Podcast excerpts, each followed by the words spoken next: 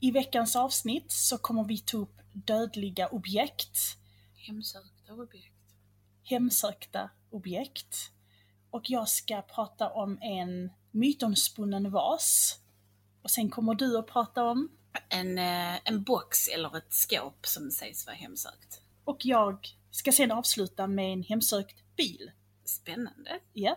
Och som vanligt så får ni jättegärna följa oss på Instagram där vi kommer lägga upp alla bilder om alla fall vi har från vecka till vecka. Och på Instagram heter vi mord Mysteriepodden. Och sen kan ni även följa oss på Facebook där vi heter. Mord och Mysteriepodden. Men annars så tycker jag vi kör. Yes.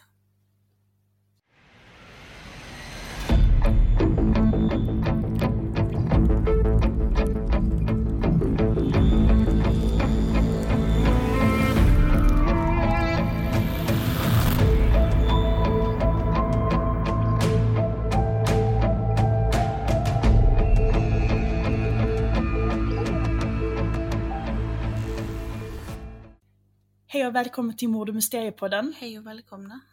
Denna veckan så ska vi prata om Hemsökta objekt. Tack. Jag vill säga dödliga objekt hela tiden. Ja, i alla fall. Eh, och eh, vi har tre olika. Jag vet inte om det är så mycket vi ska säga innan Newsflash. Jo, vi vill tacka för er som har skrivit fina kommentarer. Ja, tack så jättemycket. Vi har sett att eh, ni har kommenterat på Podbean. Jag vill jättegärna svara men jag kan bara göra det genom telefonen och av någon anledning så när jag loggar in på telefonen genom appen så synkar inte den att det är samma account på något konstigt sätt. okej. Så jag kommer inte åt någonting och jag kan inte göra det genom datan. Men vi har sett det och vi tackar Ja, tack så jättemycket. eh, och det värmer. Ja. Ska vi hoppa direkt på eller? Har du Det- någonting du vill tillägga?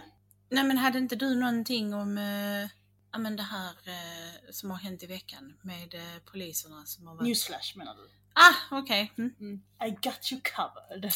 Okej, det kommer. Men eh, newsflash! Ja. Eh, jag har två uppdateringar från fall vi har haft innan. Jag vet inte om du... Vad spännande! Ja, ett i ditt fall, ett i mitt. Så jag Är bör... det det Feo? Nej! skojar. Nej, han haunt us no more. Åh, thank you Lord. Ehm, Tiger King-sagan fortsätter. Nej men gud. Ja. Du tog då upp försvinnandet av Carol Baskins man Mm. och touchade på dramat mellan Carol och Joe Exotic. Joe Exotic, eller Joseph Maldonado Passage, som han egentligen heter, eller mer känd som Tiger King, Mm. sen eh, dokumentären. Ja. Han har ju hatat Carol väldigt länge och det är någonting han aldrig har hållit hemligt. Eh, Han blev anklagad och fälld för att anlitat någon att mörda Carol och fick 22 års fängelse. Det vet jag inte om du tog upp. De tog upp Nej, för jag, för jag tog ju inte, jag tog ju inte upp han per Nej, se. det var bara typ säger. videon och det där. Ja, precis. Ja. Eh, nu har Joe ännu en orsak att hata Carol. För att rätten har beslutat att ge Carol Greater Winwood Development Group, alltså Joes Big Cat Park. Så nu har Carol kontroll över hela hans ehm, vad heter det? Inrättning? Nej, hela hans eh, property. Ja, Hans ja, mark, Ja, ja. Ehm, hon fick även fordon och hus som står på området, antagligen som tillhör honom. Så de har 120 dagar på sig att få bort djuren som står där. Så det verkar inte som hon har fått djuren fast hon har ju kämpat för att hans djur ska få det bättre. ja. Så det var uppdateringen om Oj, det. oj, oj. Och sen går vi till mitt fall, eller mitt, min uppdatering. Ja. Eh, om Lisk, eller Long Island Serial Killer. Nej men oj, oj, oj. Så en ännu uppdatering ehm, om um, offren som tros ha blivit mördad av Long Island Serial Killer, som jag tog för någon månad sedan. Man har ju hittat flera kroppar som man inte har lyckats identifiera. Man har ju kunnat identifiera fyra av kropparna som man hittade då i december 2010 när man letade efter Shannon. Mm. Och sen hittar man ju Shannons kropp, så det är fem kroppar man identifierat. Men 22 maj så meddelar The Suffolk County Police Department att man har identifierat Jane Doe nummer 6. Eh, och på torsdagen den 28 maj, alltså det var inte så jättelänge sedan, en Nej. vecka, eh, så går man ut med hennes namn, Valerie Mack. Hon försvann eh, redan 2000. Oj. Shannon försvann ju 2010 så hon har blivit mördad ett decennium innan hon hittades. Mm. Och sen ett ytterligare decennium för att veta att hon var hon. Hon var oidentifierad 10 år ju. Mm. Hon var 24 år när hon försvann. Och hon var en av de som hittades under våren 2011. Och hon hittades i delar, sånt i en hel kropp. Så de fick ta DNA för att pussla ihop henne. Mm. Polisen lyckas identifiera henne genom genetic genealogy. Vad jag förstår det som att någon av hennes släktingar har skickat in sin DNA till typ Heritage.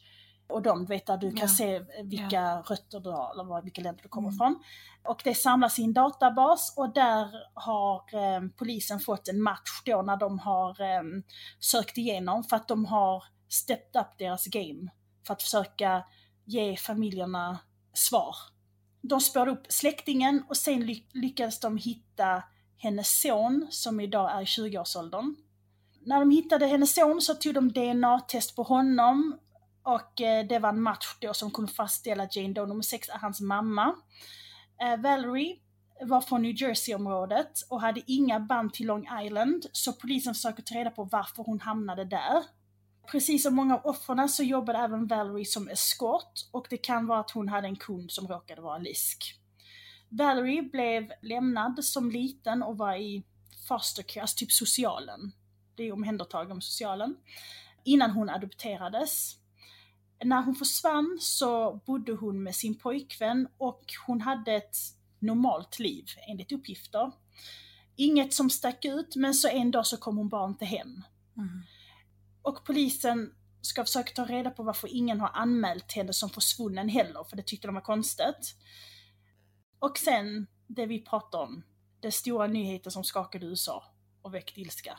Ja, världen över. Ja. Eh, 25 maj så skulle George Floyd betala, han skulle handla någonting, han betalade med en 20 dollar sedel som visade sig vara falsk. Och han i butiken ringer dit polisen. Och det kom ut fyra poliser. De sätter handfängslen på George och han vägrar sätta sig i polisbilen. Och när de försöker liksom trycka in honom i polisbilen så ramlar han ner på marken. Polisen Derek Chauvin sätter sitt knä mot Georges nacke medan han ligger på marken. Och detta för en falsk 20 dollar sedel som de egentligen inte vet att han har tryckt. Han kan ju fått den, handlat någonstans, den personalen i butiken vet inte om att den är falsk, ger dig växel och han vet ingenting. Nej. För att jag tänker falska sedlar, det kanske bara att de inte har vattenstämpel, vem går och kollar i ljuset liksom? Ja? Ja. Det är liksom inte monopolpengar så att man ser 100% att det är ingen riktig. Nej. Chauvin håller sitt knä mot Georges nacke i nästan nio minuter. Eh, medan han håller sitt knä mot nacken så säger George flera gånger Snälla, jag kan inte andas. Och mamma. Men detta ignorerar Chauvin. Och två andra poliser håller ner honom genom att lägga tryck på hans rygg, så han har tre poliser på sig. Och den fjärde står bara och tittar. Och en av dem säger kanske vi ska vända honom om. Men ingen gör någonting och han pushar inte att de ska göra det heller. Att hålla ner någon med sitt knä mot nacken är tillåtet i Minnesota där allt detta hände. Men många som jobbar inom lag och ordning tycker att det var för aggressiv teknik att använda för det brottet han misstänktes att, göra, att ha Ja. begått. Och att han var inte beväpnad, Nej. han var inte påverkad och våldsam. Han ville bara inte sätta sig i bilen. Jag har inte helvete sätta mig i en polisbil om de hade sagt att jag har betalat med en falsk 200 kronors lapp. Och jag har inte vetat om det. Nej, Då hade inte heller jag, prata med mig i så jag fall hade liksom. inte heller... Ja, nej Ja. precis. Löst det med ord istället. Eller hur? Och göra en anmälan i så fall. Ja. Mm. Där finns en video där man hör klart och tydligt att han säger “Please I can't breathe”. Och det här gör mig arg. De här är filmade av människor som såg det. Inte polisen nu, andra människor. Varför gör inte människor Varför gör ni ingenting? Alltså seriöst, ni är lika, lika mycket skyldiga. De bara står och filmar. Ja. Alltså man hör han klart och tydligt, please I can't breathe. Det är inte som att han viskar, ingen hörde det liksom. Då går man, man säger hallå, han säger han kan inte andas eller putta till med akta er. Alltså Ja. någonting. Alltså man står inte bara och filmar. Alltså jag Nej. tycker, jag tycker så här människor som fotar något brott när det händer och ingriper Men inte. Jag tycker, det är en, jag tycker det är en skymf mot personen i frågan. Det är likadant som det var ett fall i, ehm, i New York. Det var en kille som, han var väl psykiskt sjuk tror jag. Han gick och puttade ner en man på tågspåret när tåget kom. Och han blev påkörd av tåget. Men någon han tar en bild, för den här bilden hamnar på tidningen, Ja. när han är på spåret och panik och man ser vet, ljusen från tåget inte så långt bort. Men istället för att stå och fota, hjälp han upp för Ja. fan. Alltså, vad, vad tror ni, den här, att, att de har filmat detta kommer inte ge han livet tillbaka. Nej. Jag vet inte vem jag är mer arg på. Alltså jag tycker, man kan inte stå och klaga, oh, poliserna gjorde fel, kolla på den här videon jag har spelat in. Ja men vad gjorde du då? Stod tyst? Mm, du sa ingenting, Nej. du bara filmade. Eller gå och säg till mig, hallå, hör ni inte någonting? Mm. Ja, min rant. Det borde heta Rant-podden. Eh, poliserna blev först ehm, intagna och, eller skulle stå, vad heter det, stå sig skyldiga, vad heter det? Jo, står sig skyldig. Ja, till ehm, murder in third degree. Men tack vare protester som då har pågått i 9-10 dagar nu, så känner man väl sig pressad att bump it up till second degree murder. Mm, Men det var Newsflash och min Yes. rant. Jag skulle egentligen ta den med George Floyd förra veckan, men ehm, det blev inte av. Och jag tänkte jag ta upp det nu som en tredje newsflash för att jag vet inte om det räcker att lägga upp en svart square på Instagram, som vi gjorde. Nej. Problemet är det med människor också, har jag märkt, att nu är det här så hett, du vet. Alla ska protestera och alla ska speak up och alla ska vara så duktiga och sen dör det ner och sen pratar ingen om det längre. Sen så är det tillbaks till vanligt igen. Ja. Det, liksom, det, det händer bara någonting snabbt och sen så alla blir så frustrerade. Åh, det är världens största problem nu. Men sen om två, tre veckor så är det inte ett problem längre. Men det har fortfarande hänt. Mm. Man kan inte göra det ogjort, men helt plötsligt så, ah, vi fick annat att oroa oss för nu, tyvärr. Och det kommer liksom gå tillbaks till samma igen. Ja. Varför kan inte bara alla vara snälla mot varandra? Jag Ja. förstår inte, varför kan inte alla bara vara snälla? Titta på djuren, se hur de är. Okej, de kan vara lite taskiga mot varandra. Ja. Ja, vår, vår rant is finally over. Yes. Usch, fick ut lite ånga. yes. Ska vi coola ner våra känslor nu med lite hemsökt? Det gör vi. Lite hemsökta objekt. Mm.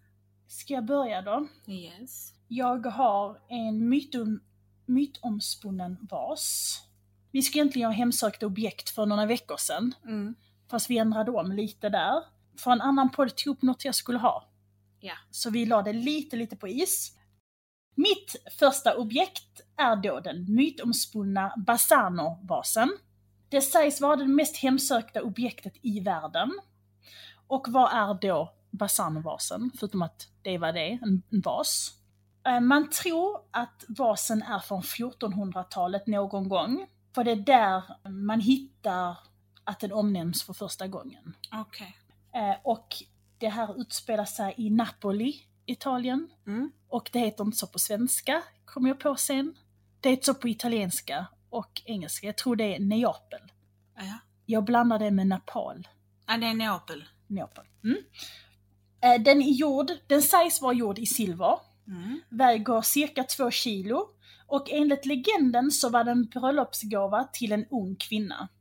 Eh, Kvinnan fick den i bröllopspresent kvällen innan hennes bröllop och avsändaren var anonym. Så det, eller anonym, där fanns ingen avsändare överhuvudtaget. Kvinnan eh, trodde att vasen var ett gott tecken och skulle ge med sig tur. Men när hon inte kommer till sitt bröllop dagen efter så går man till hennes hem och hittar henne död med vasen i sin famn. Mhm. En släkting tar över vasen och dör kort därefter. Vasen då till en annan släkting och de dör också. Och det är här familjen då börjar misstänka att det är något konstigt med vasen. Den är hemsökt. Den är hemsökt för att det är liksom tre stycken i familjen som har dött så fort de har fått den. Eh, familjen bestämmer sig för att gömma vasen för att den inte ska döda fler. Och eh, då under många hundra år så är det ingen som vet var den var eller har sett den. Okej. Eh, 1988 så börjar man prata om den igen. Mm. Då en ung man grävde upp den i sin trädgård. Och i vasen så var det en lapp där det stod varning, denna vasen för med sig död. Han trodde inte på det som stod på lappen och väljer att sälja vasen vidare, på auktion. En apotekare köper den och när han har den i sina ägor så blir han mystiskt sjuk och till sist dör. Hans familj väljer att sälja den vidare och en läkare eh, köper den och han blir också mystiskt sjuk och dör. Och då väljer de att sälja den vidare och det är en arkeolog som älskar um, arkeologiska fynd. Mm. Så han köper denna då och eh, blir mystiskt sjuk och dör tre månader efter han har köpt vasen. Oj. Vasen byter ägare och människor som äger den dör mystiskt. Den hamnar hos en familj där mannen blir mystiskt sjuk. Nu har det spridit sig att vasen är hemsökt och alla som har ägt den har dött. Familjen vill göra sig av med den, men de vill inte sälja den vidare så den kan döda fler. Så någon av familjemedlemmarna tar vasen och slänger ut den genom fönstret. Och den är gjord i silver så att den går inte sönder. Nej. Men en polis står nere på gatan och får den nästan i huvudet. Och han söker upp familjen och ger dem böter för nedskräpning och försöker ge tillbaks vasen till familjen. Men de vägrar att ta emot den. Okej. Polisen tar med sig vasen och försöker ge den till museum i området. Men alla tackar nej för att vasens rykte är så känt. Så det sägs att polisen grävde ner den någonstans. Ingen har sett den sedan dess. Och trots att det är så många som har ägt den och att den har varit på auktion och att de på museerna visste exakt vilken vas det var. Mm. Så finns det bara en bild på den. Mhm. Och det är också det i storyn. Det är väldigt så här anonyma människor. En Aha. läkare, en arkeolog, en ung kvinna. Det är liksom inga, inga namn. nej. Och det är en silvervas och modellen eller mönstret eller något som stämmer inte överens med alltså vaser från 1400-talets Italien. Jaha, okej. Och där finns liksom ingenting att ta på. Så att det är stor chans att det är bara en legend. En story Okej. som har levt vidare. Men det var Bassano-vasen. Ja, Så ska vi köra din. lät lite som min faktiskt. Men din kan man ta Som på. vi, din finns. ja, ja, ja. Men jag menar, alltså just det här, alltså mystiken runt. Här är det snarare sanningsenligheten som diskuteras i min, eller om mitt objekt. Mm. Jag kan inte supermycket om din, fast jag vet att det finns namn. Ja. Alltså typ bla bla bla köpte den och då hände detta. Som jag också kunde tolka det ur min text. Han som faktiskt köpte den, men som det sen visar sig att han auktionerar ut den. Mm. Man vet inte om auktionen som han hade på en, han hade den ute på Ebay. De vet inte om det har varit liksom, han har eh, sålt Mm. den här grejen. De vet inte om det var liksom, säger man, uppgjort. Mhm. För att det skulle vara fakta liksom till hans bok. Mhm. Det finns många intressanta objekt, alltså kan man säga ju. Mm. Liksom din vas. Mm. Och det jag ska prata om. Men jag vet inte om jag hade velat köpa... Min andra är mycket mer spännande än Bassano-vasen. Mm. I Alltså- think you will die when you hear. Inte die, men... oh, Bli tjockt. det, den är så powerful som den kan döda när man pratar om den i en podd. Åh gud. Nej men ehm, det är jätte, jag, jag- jag tycker ju detta är jättetrevligt. Alltså helt taggad på ditt och alltså med att du hade Ämnet. två liksom. Ja Ja, precis, mm. ämnet. Jag tycker också det är jätteintressant. Ehm. Sen får man välja själv om man tror på det eller inte. Ja, ja. Ja men då tar vi mitt fall då. Jag eh, tycker ju att lite mystiskt och lite hemsökt, det är alltid trevligt. Mm. Bara man inte själv har det nej, hemma. Nej, nej, nej. nej Höra nej, andra nej. som har det Hej, hemma helt hej okej. alla katter som finns i min lägenhet. Yes, they are here, en present. Jag har inga. Ehm, nej, men jag har fullt här och välkomnat mitt hem till katter av någon konstig anledning. Mhm. Ja, temat är ju hemsökta föremål och mitt föremål har jag, har jag valt på grund av en film. Mm. Från 2012. Och Cirkus. Det är den hon handlar på loppis va? Mm. En, en, eh, för jag vet ju vilken, vad du ska ha. Känner du till mitt objekt? Ja, det gör du. Nej, eh, jag känner inte till så supermycket om det, men jag har sett filmen. Mm. Vad hette den filmen nu? Jag, Possession. ja, för ja, det var jättelänge. Jag såg kanske den när den var rätt ny. Ja. Men eh, jag kommer ihåg hon köpte på någon loppis, någon sån här garage sale. Mm. Någon träbox. Ja. För du ska ha om. En Dybbuk box. Och jag vet inte om jag säger det, om jag uttalar det ens rätt, men eh, ja, det ber jag om ursäkt för. Jag ska prata om Dybbikboxen eller Kufsat Dybbik. En Dybbikbox eller den här boxen, det är som en eh, vinlåda eller vinskåp, ask, eh, som sägs vara hemsökt av en Dybbik. Och en eh, Dybbik är inom den judiska tron en osalig, oftast illvillig ande som även sägs kunna hemsöka och besitta den levande. Så en Dybbik box kan vara vilken box som helst som är hemsökt av en Dybbuk. Basically. Jag skulle kunna tänka det ja. Ja. Okay. För att de jag har sett liksom som på Youtube som har skickat hem eller skickat efter de här boxarna, det har varit alltså från såna här små cigarrlådor typ Mm. i storlek, ja då till det här skåpet. Och eh, de- Som han köper. Och de får då en ande med på köpet. Det sägs ju det. Sen... Varför köper man sånt seriöst? Men ja, som jag sa innan så eh, ökar, eh, ökar det här objektets popularitet under 2012. Först från spökhistorien som är skriven av Kevin Mannis, men också av filmen The Possession Mm. som släpptes då. Kevin Mannis spökhistoria börjar med en, eh, en Ebay-aktion. Mm-hmm.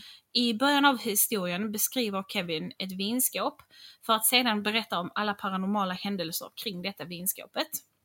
Manis är författare och äger ett litet antikvariat samt att han äger ett företag som renoverar möbler i Portland, Oregon under tiden.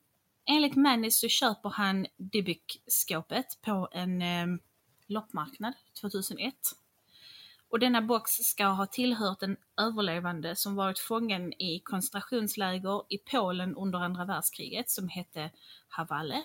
Den här Havalle lyckas fly till Spanien innan hon emigrerar vidare till USA. På den här eh, loppmarknaden så berättar Havalles barnbarn för Manny att skåpet köptes i Spanien efter att hon hade kommit dit. Barnbarnet säger också att eh, skåpet har gått i arv i familjen och eh, Manny menar då att han behöver inte köpa skåpet om det är arvegods och eh, håller någon eh, affektion för familjen. Men barnbarnet svarar kort att de vill inte ha det. Han får gärna lov att köpa det. Vet han vad en Dybbuk är? Jag tror inte det. Han bara aha, aha okej, ja, jag köper den. Ja men det var ett trevligt skåp, jag vet inte vad detta handlar om här. Så, hmm. En det? Eh, när Mannis fått hem skåpet så öppnar han upp den för att han är väldigt nyfiken på att se vad som kan finnas där i. I skåpet så, så finns det en massa objekt som de typ samlar på sig för att låsa in Dybbuken. Det finns eh, två pennies från 1920-talet, en lock med blont hår och en lock med mörkbrunt hår. En liten statyett med det he- hebreiska ordet shalom ingraverat. En liten bägare i guld, en torkad ros och en ljushållare för bara ett ljus med fyra bläckfiskliknande ben, alltså att de är lite snirkliga. Om anden blir mörkrädd så har den ett ljus. Jag tror inte vi ska skoja om detta Johanna. Kan Ehm. lukta på rosen och... Många av de gamla ägarna till skåpet säger att det var, att det var många konstiga fenomen som följde med skåpet. I Manis berättelse säger han att han drömde en serie mardrömmar. Dessa delade han med andra när de spenderade nätterna i hans hem eller lånade skåpet hem till sig. Så att hade jag haft ett sånt skåp, ask, box, whatever. Och du hade frågat, oh, men kan inte jag få låna med mig den hem? Jag vill se om jag upplever samma sak. Och du hade fått den så hade du säkerligen upplevt samma sak. Eller om du hade sovit här så hade du också drömt konstiga mardrömmar eller något sånt. Den eh, 31 oktober 2001 är, hans, är Mannys mammas födelsedag. Och eh, han eh, försöker ge skåpet till henne i födelsedagspresent. Men hon får en, en eh, stroke samma dag Mm. som hon får den. Alla tidigare ägare berättar också om en konstig lukt som finns liksom runt skåpet. Och detta är en eh, lukt av eh, katturin och jasminblommor. Alltså så jättekonstig. eh, Konstig blandning. Ja. Och mardrömmarna Manny hade handlar om en gammal kvinna som håller skåpet i sina händer. Som i och för sig kanske inte gör någonting men alltså hon är ju, alltså det ska vara en, en old hag. Josef Nietzsche, student vid Truman State University i Kirksville, Missouri, är den sista som auktionerar ut skåpet på Ebay. Nietzsche hävdar att skåpet fick ljus att brinna ut i hans hus samtidigt som hans hår föll av. Jason Haxton, chef på Museet för osteopatisk medicin, och Nietzsche då har en blogg om skåpet, den följer ju Haxton. Och när Nietzsche var redo att sälja skåpet så eh, vill Haxton köpa det av honom. Haxton skriver eh, boken The Dybbuk Box och hävdar att han frekvent lider av hälsoproblem som då resulterar i nässelfeber, alltså kliande, svedande utslag, Mm. samt att han hostar blod. Haxton tar då kontakt med en rabbin för att ta reda på hur man kan försegla skåpet igen och låsa in dybbiken i skåpet. Jag har inte lyckats hitta hur man gör detta, så jag vågar inte ens gissa. Men tydligen så lyckas den här förseglingen och eh, man skapar en ny box. Sen tar Haxton box, boxen och gömmer den på en okänd plats. Denna box donerar han sedan till Zack Baggins i Ghost Adventures så att han kan ha den i sitt museum. Den nya boxen har Chema ingraverat. Chema är en judisk bön och även det första ordet i Toran samt att det är titeln på en bön som är höjdpunkten i en morgon och kvällsbön. Alltså jag tänker jag har, alltså jag kommer ihåg filmen rätt så, rätt så rejält. Eh, Den här, ja, på den här possession. Mm. Och ehm, alltså jag tyckte ju den var jättespännande och det är väl lite det som gjort att jag jag har valt att ta detta ämnet. Mm. För att jag tycker att ja, men, hemsökta objekt, det är spännande. Jag ska prata om Little Bastard. Jag ska prata då om en bil som sägs vara hemsökt eller cursed. Och denna bilen tillhörde filmstjärnan James Dean. Och det är hans Porsche 550 Spider som är då mer känd som Little Bastard. 1955 så var James Dean en av de mest klaraste stjärnorna på Hollywoodhimlen. Mm. Det var nu som han började göra ett namn för sig, där han började få eh, huvudroller i stora filmer som Mm. Rebel Without a Cause and East of Eden. Och det skadade inte att han hade en image som var lite annorlunda än de flesta männen i Hollywood vid denna tiden. Han var känd för att ha vit t-shirt och jeans på sig medan andra Hollywood leading män från samma tid, till exempel Humphrey Bogart, oftast bar kostym och hatt. Som så många legender så dog James Dean när han var på topp och när han var väldigt ung, för han var endast 24 år när han dog. Och som många som vet om James Dean så vet man att han dog i en bilkrasch. Eh, När han körde sin bil då, Little Bastard. Och bilen har en spännande historia då den sägs vara hemsökt och den har inte bara dödat James Dean. Mhm, Eh, det visste jag inte. Nej. 23 september 1955 så köper James Dean Little Bastard, helt ny. Ja. Eh, tydligen så ville han ha en Lotus. Det här var hans andra val. Men det Okej. blev att han köpte denna. Eh, han får den special, men vet man kan lägga till tillval. Man- Specialbeställd. Mm. Ja, specialdesigner. Ja, precis. För sin Eh, egen önskan. ja. Så han får den då med tartansäten. Det är ett ru- rutigt mönster på sätena. Jag kallar det gubbmönster. Alltid när jag ser en bil som har rutiga så kallar jag det en gubbil. Han ville ha nummer 130 målat på huven och namnet Little Bastard målas också på Porsches, under Porschens emblem på en stor engine cover. Men det är liksom på, um, på plåten där bak. När James är ute och kör då med sin nya bil, när han har hämtat den, så träffar han på sin arbetskollega, skådisen Alec Guinness, och visar upp sin bil. Alec är väldigt, det stod superstitious, men alltså det är skrockfull. Men jag tycker inte det är skrockfullhet, utan jag tror mer han är synsk och känner av saker. Alec ska ha varnat James om bilen. Eh, och i hans dagböcker och brev som Alec då har skrivit om bilen så skrev han The sports car looked sinister to me. Exhausted, hungry, feeling a little ill-tempered in spite of Dean's kindness. I heard myself saying in a voice I could hardly recognize as my own, Please never get in it. If you get in that car, you will be found dead in it by this time next week. Och James Dean skrattar bara åt varningen. Hans flickvän Ursula vägrade sätta sig i bilen.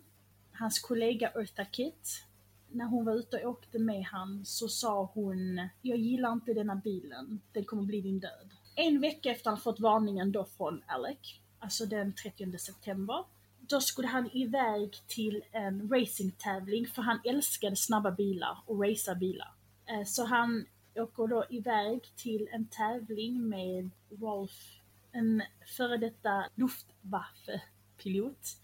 Eh, och han är även en eh, mekaniker för Porsche. Och eh, fotografen och stuntmannen Bill Hickman följde också med eh, till en car race i Salinas, Kalifornien. Mm. Meningen var att de skulle eh, typ boxera bilen dit där. Men Rolf ehm, sa till James att det är bättre att han kör bilen dit för då kan de lägga på lite mil på motorn Mm. och samtidigt så kan han ehm, köra in bilen lite så han vet, blir vän med bilen, alltså han blir bekväm i bilen. Så det gör de. Rolf eh, sitter i Little Bastard med James och Bill kör bakom dem. De kör två bilar. På vägen så blir de stoppade av polisen för fortkörning efter att de har kört 65 miles per hour, så lite drygt 104 km i timmen, på en 55 miles per hour zone, så lite drygt 88 km, som körde ganska mycket snabbt. Så kanske var det någon som försökte varna dem att de körde för snabbt. Donald, jag ska säga Donald Trump, men Donald Turn Up Speed, en 23-årig student, kommer körande i sin Ford Tudor Coupé från 1950 och kör, som jag förstår det så kör han lite över mittlinjen. Eh, och när James kommer körande ungefär 85 miles per hour, så lite drygt 136 km i timmen, så försöker han att, man försöker liksom köra så att han inte krockar Mm. såklart. Men det går fel så att han krockar rätt in i um, Turn Up Speeds bil. Little Bastard blir totalt förstörd och Rolf slungas ut ur bilen och hamnar på vägkanten bredvid bilen och James förlorar medvetandet. Han bryter flera ben i kroppen, får inre blödningar och när de har krockat så skadar han sin nacke när hans huvud har slungats fram och slått i hatten. Så han lever fortfarande när ambulansen kommer, men förklaras död när de når sjukhuset. Rolf, som åkte utan bälte, klarar sig med bruten käke och bruten höft, men dör i en annan bilkrasch 1981 när han är 53 år gammal. Donald Turnup Speed är helt oskadad med bara ett litet märke på näsan och blåmärke och chock såklart. James älskade snabba bilar och ska då sagt om man dör i en bilkrasch i en hög fart så ska han ha sagt What better way to die? It's fast, clean and you go out with a blaze of glory. Finns det ett bättre sätt att dö på? Det är snabbt, det går snabbt och du lämnar allt with a bang. George Barris, som är en känd bildesigner Och han har bland annat designat The Batmobile. Mm. Mm. Köper vraket av Little Bastard för två- 2500 dollars och i dagens pengar så är det lite drygt eh, 24 000 dollars. Så typ en kvarts miljon svenska kronor. Man tror att hans plan först var att sälja biljetter så att människor kunde komma och se bilen som James Dean har dött i. När de ska bärga bilen till hans verkstad så glider den av släpet så en av hans mekaniker får den över sitt ben och bryter benet. Oj. George bestämmer sig för att, gott, jag vet inte om man ska säga det, men ehm, ta delar från bilen och sälja vidare. Troy McHenry köper motorn och William Eschred köper, på ett ställe läste jag drivlinan och på ett annat ställe läste jag växellådan. Mhm. De båda, alltså både Troy och William, de bygger sina egna bilar som racear dem i car Mm. race. Ja. Och eh, under en car race så ehm, förlorar Troy helt kontrollen över sin bil Mm. och kör rätt in i ett träd och dör direkt. Herregud. Ja.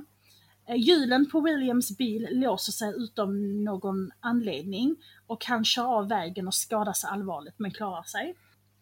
George Barris har två däck från The Little Bastard som har legat i verkstaden sedan han köpte vraket. Han säljer det båda till en kund som kommer från New York.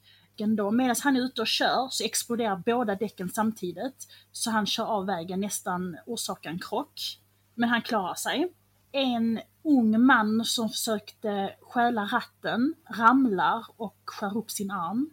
George bestämmer sig för att gömma undan bilen, men en polisman övertalar honom att låda ut den till en utställning om trafiksäkerhet.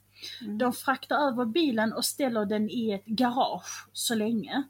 Eh, och en vecka senare så brinner hela garaget ner, men The Little Bastard klarar sig utan skada.